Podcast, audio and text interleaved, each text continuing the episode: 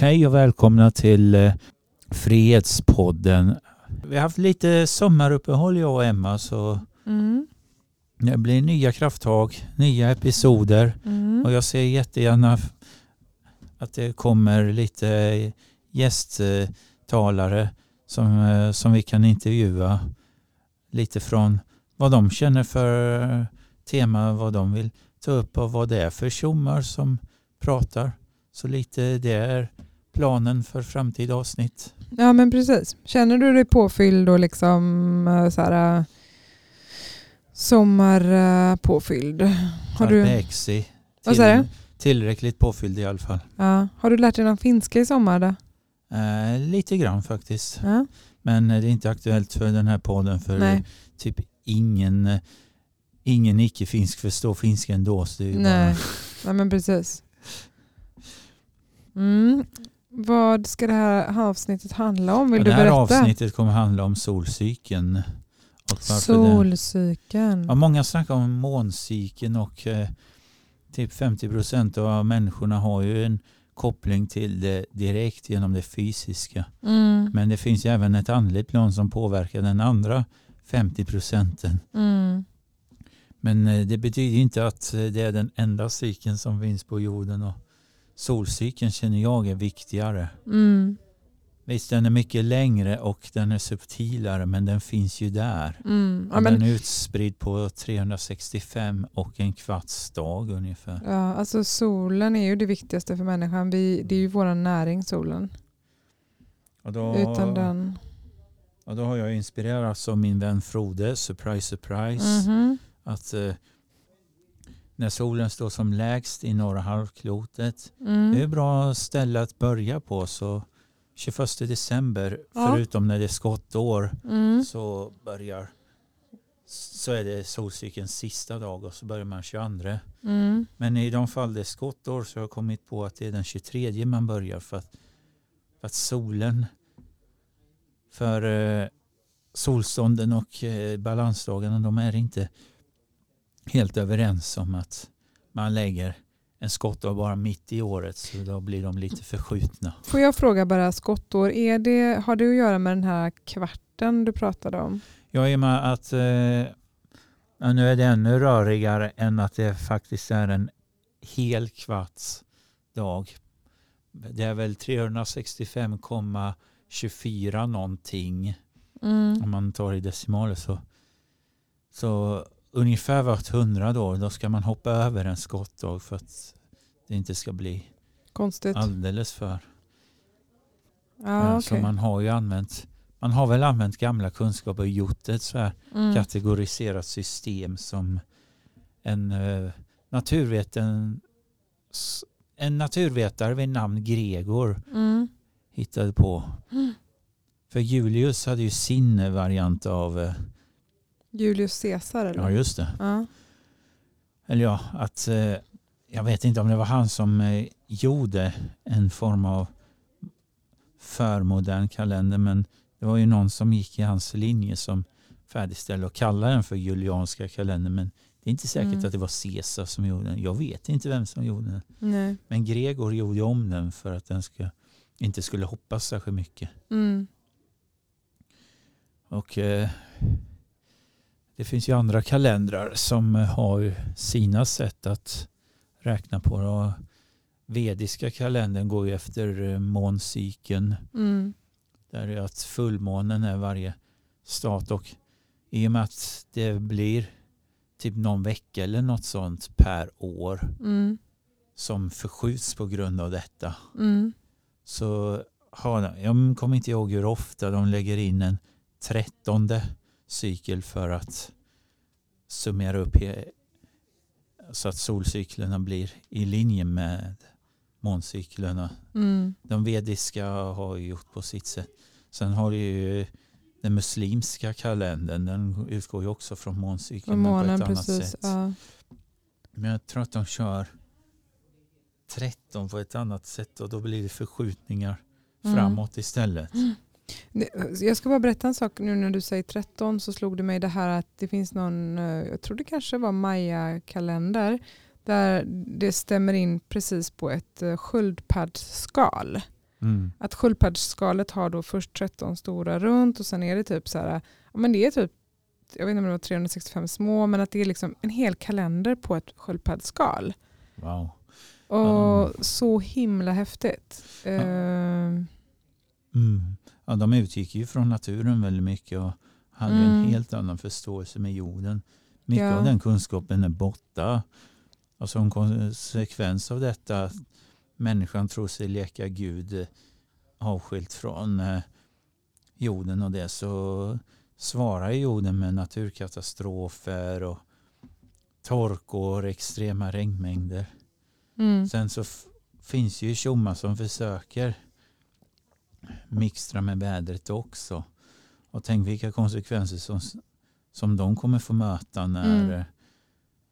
när deras lektid är slut så att säga. För de har ju fått en liten tid mm, att göra de här lekarna och se om, om det tillfredsställer dem. Men eh, då vet de inte att konsekvenserna för att ha gjort dessa lekar kommer ju bli mycket större. mm. Ja, det är, allting är ju butterfly-effekt. Så att, så att liksom, Ja, det är fjäril utöver fjäril. Och, Mm. Jag ska se, jag får, får jag berätta, jag fick en, en liten download på, eh, i somras eh, angående pyramiderna. En pratat- nedlastning om pyramiden. Ja, en nedladdning. Alltså, precis. Jag fick en nedladdning. Jag bara det slog mig. liksom. Och Det var att eh, jag och en vän hade pratat om det här med att, att samhället kommer att få det svårt i framtiden därför att, att liksom, människan lever i ett pyramidspel. Mhm. Så här, och också det här med typ att våra pensionärer är på toppen och sen måste vi vara många, många fler under som kan supplya upp liksom hela tiden. Så här. Och menar, tittar man på alla företag, alla företag är ju pyramidspel. Allting är ju uppbyggt på något sätt i ett pyramidspel. Även om man inte vill erkänna det så är det faktiskt så att människan lever i ett... Ett pyramidspel. Enormt pyramidspel. Det har jag känt till i Ja. fem år typ. Ja, och då Den tänk, kunskapen. Ja men precis och då fick jag den här nedladdningen att jag bara men herregud de har ju ställt pyramiderna där både på den ena kontinenten och den andra bara för att visa att så här, ni är här på jorden för att spela ett pyramidspel och här är de och ni kommer få liksom gnaga er sönder och samman på liksom, hur har de här kommit hit och jag tror ju typ att ja, men jag, skulle, jag är öppen för att tro att det kanske är då någon alien som har ställt pyramiderna eller det är någon så här utomkraft men att det är de står där för att visa alla människor efter att så här, ni är här för ett pyramidspel. Och det är bara att sätta igång och knata. Ni kommer alla komma då liksom till toppen. Eller att det är som pyramider, säger så då. Det kanske inte alla gör, men, men jag tänker bara att de är en symbol för människans sätt att leva på den här jorden. Det kan mycket så vara. Varken positivt eller negativt, utan de är bara där som ett Jag märke. Ja, du fattar. Mm. Vad tror du om det? Jo, jag har ju sett att det är eh, ett kollektivt pyramidspel detta. Så länge man går efter, jo, efter materiella betingelser och det. Men sen så har ju dessa sen så har ju dessa företag med bankirer och folk som anser sig ha rätt till pengar och andras egendom. Mm. De har ju, de har ju spett ut på ekonomierna så att pensionärerna som har jobbat upp sig i pyramiderna Mm. de späs ut så att de är helt plötsligt i samma nivå som, som jobbarna det Mm. i botten. Mm. Så de har ju plundrats på sina egendomar Mm. genom att i 50 år så har ju Sveriges ekonomi gått från att vara öresbaserad till att vara kronbaserad. Mm. Så det har ju spätts ut med faktor 100 minst. Mm. Och den valutan de betalade in, de som nu är pensionärer, Mm. det är ju vad de får ut. Så det betyder att de får i verkligheten ut 100 gånger mindre än vad de borde ha fått ut. Mm. Och det är så de sådana här bankirer som gör fulspel på Mm. vanlig form. Mm. Och om detta är en del av dessa andas plan med pyramidspel eller inte, det kan jag inte svara på för jag vet ju inte hur den kosmiska ordningen är. För jag har, jag har ju valt att tjäna den stora anden eller Gud som jag brukar säga. Fast jag tror på någonting som är bortom det materiella. Mm. Och det har ju satt in mig i helt andra spelregler. Så de här Så även om jag typ är del av det, detta pyramidspel som finns på jorden så är jag inte helt bunden av det. För Nej. skulle jag behöva någonting och saker inte räcker till så finns ju någon andlig välsignelse som ser till att jag får det jag behöver ändå. Mm. Så det finns ju, det finns ju olika spelregler beroende vilken liga man vill spela i. Mm. Och därför känner jag att eh, som del av detta så har jag valt att räkna från solens från solens position istället för att gå efter en mänskligt skapad kalender. Mm. Som är till exempel på den 232 dagen efter vintersolståndet. Mm. Och vi har typ 130 dagar kvar innan nästa Mm. solår. Mm. Det finns så mycket att hämta där. Då. Också att eh, med allting som händer och sånt att inte vara rädd och bara lita på att eh, det finns någon form av ordning i kaoset. Mm. Och Jesus var ju väldigt mycket sån i evangelierna. Mm. När en båt höll på att slås sönder och hans lärlingar blev, fick som panik och så, så tuktade han lärlingarna också sa ni inte tro det är nog bäst jag lugnar stormen så att, för ni verkar vara oroliga. Mm. Inte ens när båten höll på att läcka in vatten så reagerade han. Han hade sån stark tro på den inre. Samma har det varit med Prabhupada när han predikade sin rörelse i 70-talet. Mm. Och han blev ju ställd in- inför domstol ett par gånger och han Mm. sa bara rakt ut vad han gjorde och den spirituella. Mm. De kunde inte göra någonting. Nej. Han stod det i en annan kraft som gjorde att och det finns säkert många exempel till med moderna människor och det. Mm. Man behöver inte gå till historien och skrifterna för att se.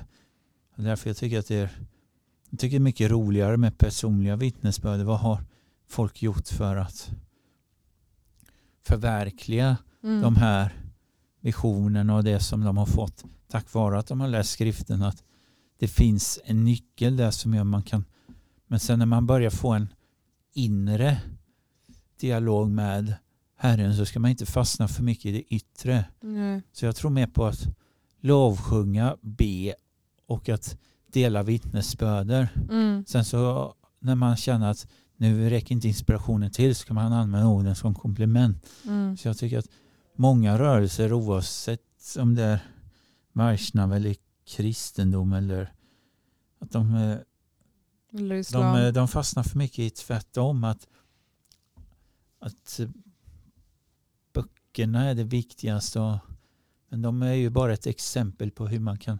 Och när man börjar spegla böckerna och blir mer levande och då ser man ju att ja, men det är ju det här helgonen i böckerna snackar om. Mm. Men är inte det så typiskt och mänskligt att, att människor just fastnar så? Ja, absolut. Och jag har ju fastnat av den anledningen många gånger också Mm. för att huvudet älskar att ha kontroll.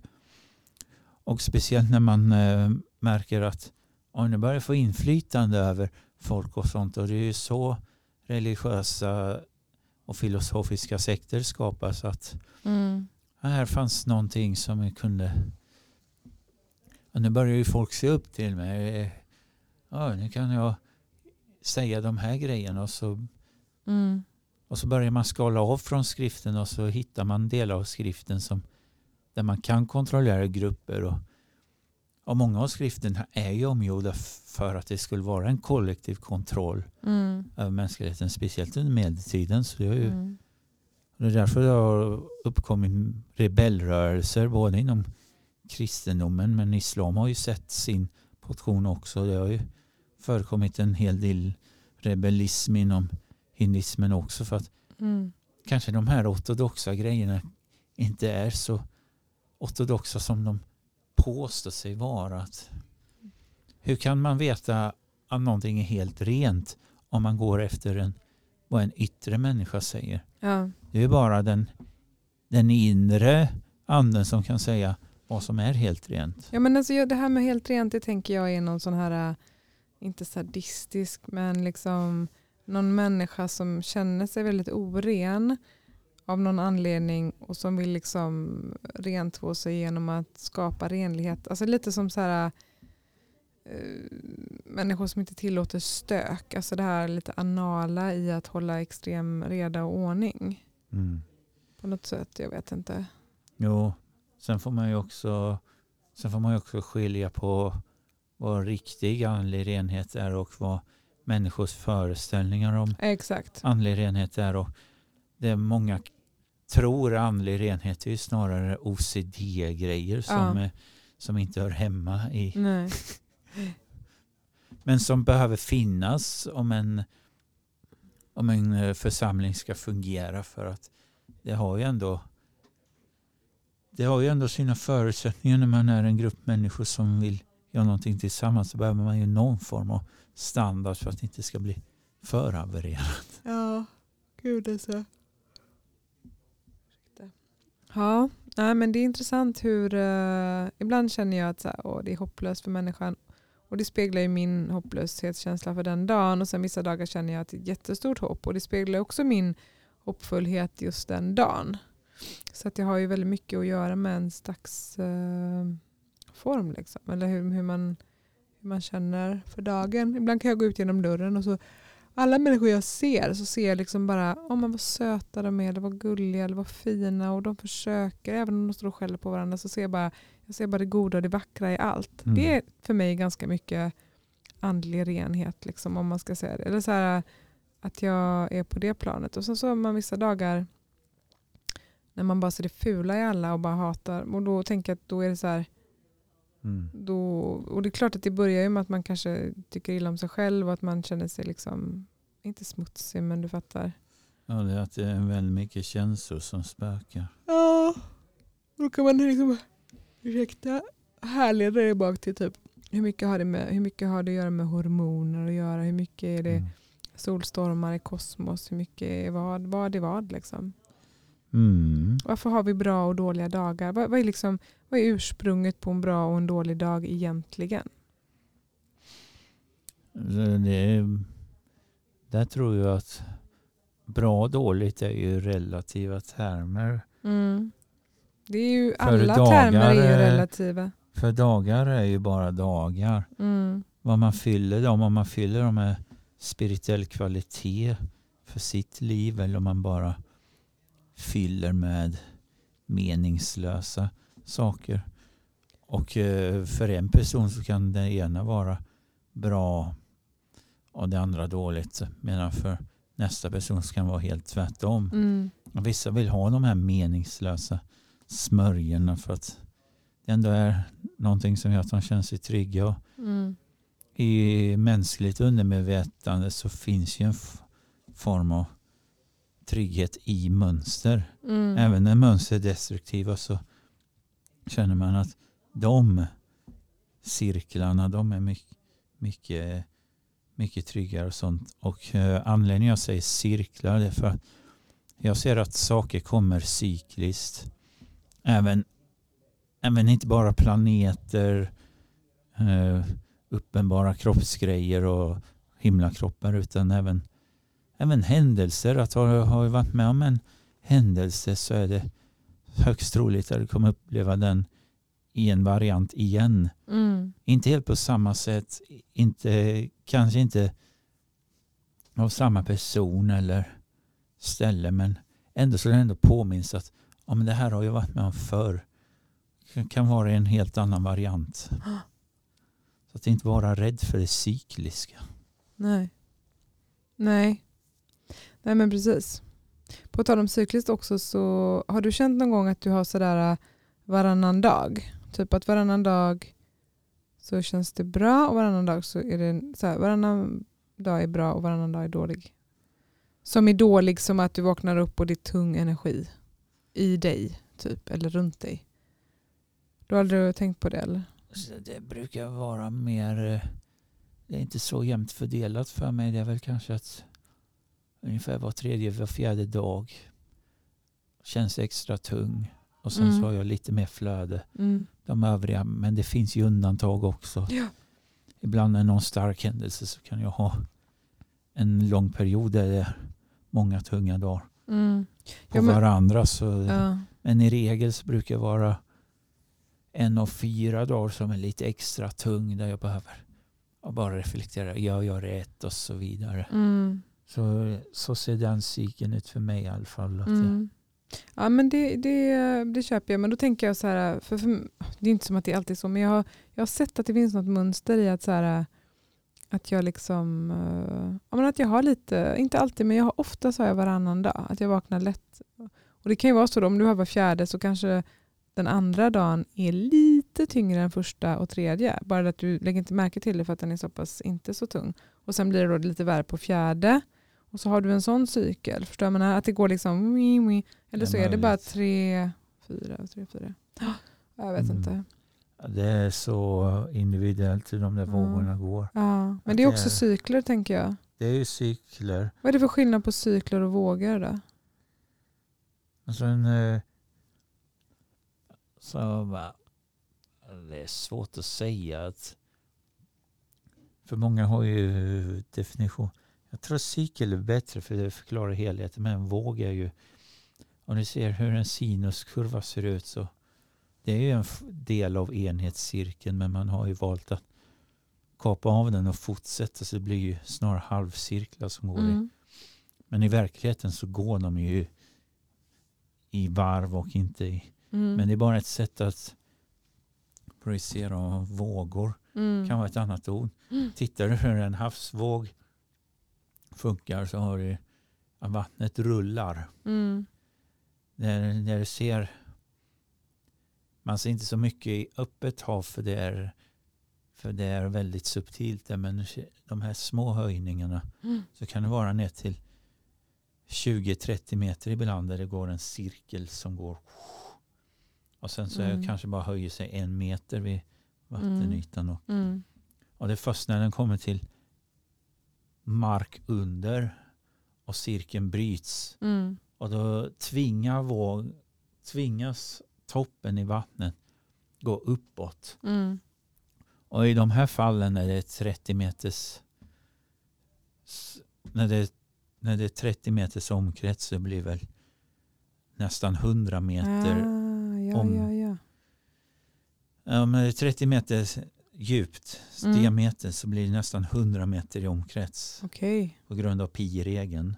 Ja. Och då när den här träffar en mark, Mm. vilket sådana storvågor med den magnituden Mm. sällan träffar land för att Nej. Men när de gör det så tvingas det vattnet upp och så blir det att det går 30 meter över normal vattenyta så bara sköljer in som en, en flodvåg. Ja. Men att det just- också är cir- cirklar som rullar då? Cirkeln, är- ja, men det är därför den inte rullar så, så att den cirkeln bryts och då blir Mm. det att den söker sig uppåt och då blir det att den rullar framåt. Det är så Mm. surfvågor Mm, skapas. mm. Så det är en avbruten cirkel. Mm. Man kan, Spännande. Var har du lärt dig det? Eh, från naturvetenskap eh, någon gång i högstadiet tror jag. Sen så har det bara legat i undervetenskap. Men jag har ju Mm. observerat vatten. Jag har varit i, jag har ju varit i oceaner och sett vid de stränderna hur det funkar. Mm. Det tenderar ju vågorna att vara två, tre meter höga för att det är ju, Mm. det är ju ostörda oceancirklar som Mm. sker i vattnet. Mm. Våra, våra innanhav, Skagerrak och Kattegatt och Östersjön, de är för små för att skapa Mm. den magnituden. Mm. Men om du åker till västra Norge, speciellt Bergen och norrut, Mm. där så är de inte lika störda de vågorna. Och där kommer ju in, det är ju, det är ju direkt kontakt med Atlanten vissa av de öarna. Mm. Så Mm. det är spännande hur allting Verkligen. hänger ihop. Och, Ja, hur allting dras neråt men uppåt åt sidorna. Alltså det är så många dragningskrafter tänker jag. mm. och i och med att Mm. jorden rör på sig också. Mm. för subtila rörelser för människan ska kunna se. Men eh, jordens kosmiska kropp den flyttar ju på sig. Mm. Och det som ger upphov till jordbävningar. Ibland så får jorden sårskorpa och ibland så. Och det är vulkanutbrott. Ja. Men jorden har väl också sådana här varbölder så att säga. Ja. Det som kallas för supervulkaner. Och Yellowstone är en sån. Geologer har försökt på konstgjort sätt Mm. försöka lätta på trycket där men de har inte hittat någon lösning som har lyckats. Så Nej. jorden går inte att tämja. Nej. Där man skulle få in ett sånt här dystopiskt samhälle där alla måste vara får annars så får ni inte mat. Mm. Även om ett sånt händer så har ju jorden sina nödlösningar. Och Mm. skulle jorden få för sig att spela ut Yellowstone så faller hela den här eh, så faller hela den här grejen med, eh, med världsordning med får och sånt. Yellowstone, varför just det? Den ligger i, i norra Washington, typ Ja. delstaten. Ja, men jag känner till, men vad är det som... Det är en supervulkan som har mycket mer poten, potentiell lava än vad Krakatoa någonsin hade. Mhm. Skulle den sprängas så kommer 70 procent av amerikanska befolkningen dö inom en vecka. Okej. För att det kommer bli så mycket dammoln. Mm. Men sen kommer en stor del av jordens befolkning att dö av nukleära vintrar. Mm. För att den, det kommer bli global kris. Den. Mm. Det finns ett gäng. Det har funnits sådana supervulkaner. Har de, ser de att den håller på att koka där under? Liksom? De tror, de tror att den kan eruptera inom tusen år i alla fall. Ja, det är inte mycket. Och inom geologisk tidsålder så är det ingenting. Nej. Sen är de ju livrädda för att den ska eruptera nu under vår livstid. Men det är bara jorden som vet. Mm. Men det är det jag känner också ibland. Att ibland tänker jag att, att vissa vet att det här, det här är inte liksom, we're not in it for the long run. Alltså vi, vi kommer inte få stanna här hur länge som helst. Och då, det är klart att det är superhemskt att vi utnyttjar jorden som den gör. Men, men det spelar egentligen ingen roll. För det kommer bara ha det kommer liksom, allting kommer förstöras och börjas om på nytt inom säg tusen år. Då, då spelar det ju nästan ingen roll för jordens. Alltså jorden kan vi nog aldrig skada på det sättet. Vi kan skada oss själva och djuren och Mm. naturen. Men, Vi kan göra jorden förbannad och det har jag Mm. sett. mm, Jorden är väldigt missnöjd över hur människan beter sig. mm, Och det har jag känt för jag pratar väldigt ofta med jorden. mm, Men i det stora hela så människan eh, blir ju tvungen att människan blir ju tvungen att äta upp det den håller på med i jorden. Och, mm, men eh, sen så tycker jag att människan bör ju inte bete sig extremt svinigt mot jorden bara för att de Nej, kan och speciellt inte när det, finns, eh, inte. när det finns de som eh, följer den gudomliga principen och tror på det spirituella. De blir ju extremt utsatta på grund av det som händer. Mm. Mm. Men allting är ju som det ska i någon nivå. Mm. Ja, på något sätt. Jag tror att vi gör oss en sån himla björntjänst när vi strävar efter någonting som är liksom perfekt och utopiskt och rent och ja, allt det där. Man får inte glömma att liksom den, vad ska man säga, den, eh, det normala läget för människan är krig. Liksom. Så att eh, man kan hellre så här, hylla när det inte är krig. Det är som att det Mm. det kommer alltid finnas 10-15% av jordens befolkning som vill kriga. Och som vill slåss. Och som, jag vet inte om de är psykopater eller bara galna. Eller vad det är som är liksom problemet. Jag tror att men, de har slukats av känslor och begär för när man vill eh, använda sin fria vilja för att ställa sig över andra då, då är det många som tar sig rätten att, att använda krig som medel. Och, mm, och då och krig är ju någonting som skapar pengar. Mm. Och eh, massdöd är ju någonting som också gör, skapar deflation i världen. Även om det låter väldigt även om det låter väldigt hemskt och sånt så är det så dessa valutor funkar. Mm. De är uppbyggda på ingenting.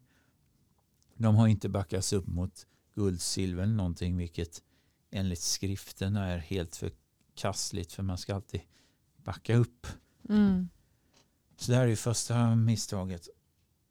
Och då blir konsekvensen av på grund av att man baserar ekonomin på ingenting Mm. så blir det att ju fler människor som får pengar och sånt desto mer inflation skapas Ja. av det. Och ju mer människor som föds och ska försörjas och bo och så vidare. Mm. Det skapar inflationer. Mm. Medan massdöd och krig det är ett sätt att skapa deflation. Och eh, det bankirer så de är livrädda för att pengar ska kollapsa. Och Gud vet hur saker ska kollapsa och då blir det ju svårt att betala ens med hårdvara. Ja. Potatis kan ju bli någonting som blir så eftertraktat att Mm. man kan nästan få vad som helst för Mm. bara man har lite potatis. Ja. För om man, eh, om man, så, om man sätter dem rätt så får man ju tio tillbaka på en god jord. Ja. Och om man då tar nio av varje potatissätt Mm. och äter och sen sätter tillbaka en tionde har man Vi, vi har faktiskt fått väldigt mycket fin potatis i år. Jag är jätteimponerad av jorden och potatisarna. Det är så mm. himla häftigt med potatis. och speciellt om man eh, har eh, speciellt om man tillför någon form av näring till jorden till exempel aska eller någon annan Mm. grej som fertiliserar. För jag märker när jag har bott ute Mm. och så har jag eldat lite grann och så märker jag när askan kommer iväg att det, det blir en helt annan grönska där än vad det är i Mm. industriskogar och så vidare. Mm. Och naturreservat börjar ju få vissa naturreservat jag vistas i de börjar ju få riktig skog så det börjar ju bli gott att vara där. Annars är ju, annars är ju resten av Sverige industriskog. Mm. Det är inte lika illa som det är inte lika illa som det är i kontinent-Europa men Nej. Ja. Det är väl värre i Sverige än kontinent Europa. Sverige är ju, om man, följer, om man liksom lyssnar på vad Naturskyddsföreningen säger så är ju Sverige bland de värsta länderna när det kommer till avverkning. Vi har ju också väldigt mycket skog men vi har ju senaste decennierna så har vi ju avverkat på ett väldigt fult sätt. ja det, det har ju Vi svenskarna. har ju gjort kalhyggen och jag menar, nere i. Europa så har det inte tillåtits allt på det här sättet. det, är vad jag har hört. Att liksom att, att Mm. här, vi har till och med fått någon böter i EU för att vi har liksom fuckat upp det så mycket. Det är väldigt spännande för jag har ju gått i flera skogar där det har varit så här före detta industriskogar och sånt nere i kontinenten och Mm.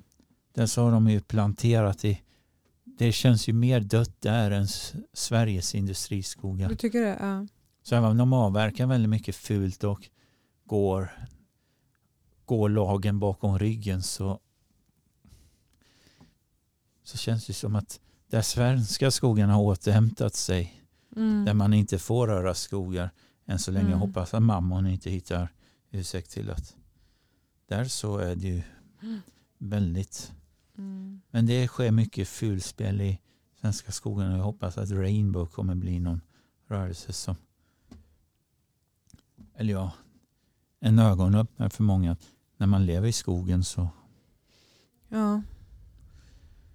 så det var lite om cykler och sånt. Det känns som att vi pratar mer om annat än eh, om solcykeln men allting är ju del av solcykeln så Mm. Livet. Vi pratar ju om en hel del cyklar tycker jag. jo det är ju det. Mm. Ska vi tacka för idag då? Ja, så får vi se vad det kommer för gäster och sånt. Om någon av lyssnarna är eh, villig att ställa upp på intervju eller känner någon som bara, åh men den här skulle vara kul att intervjua så hör gärna av er till mig eller Emma. Här. Så bokar vi in någon torsdag. Brukar oftast vara mellan ett och tre. Ibland startar senare, ibland tidigare. Så. Mm. På återseende och eh, må freden vara med er. Vi ses om fem. Tack och hej. Tack, tack.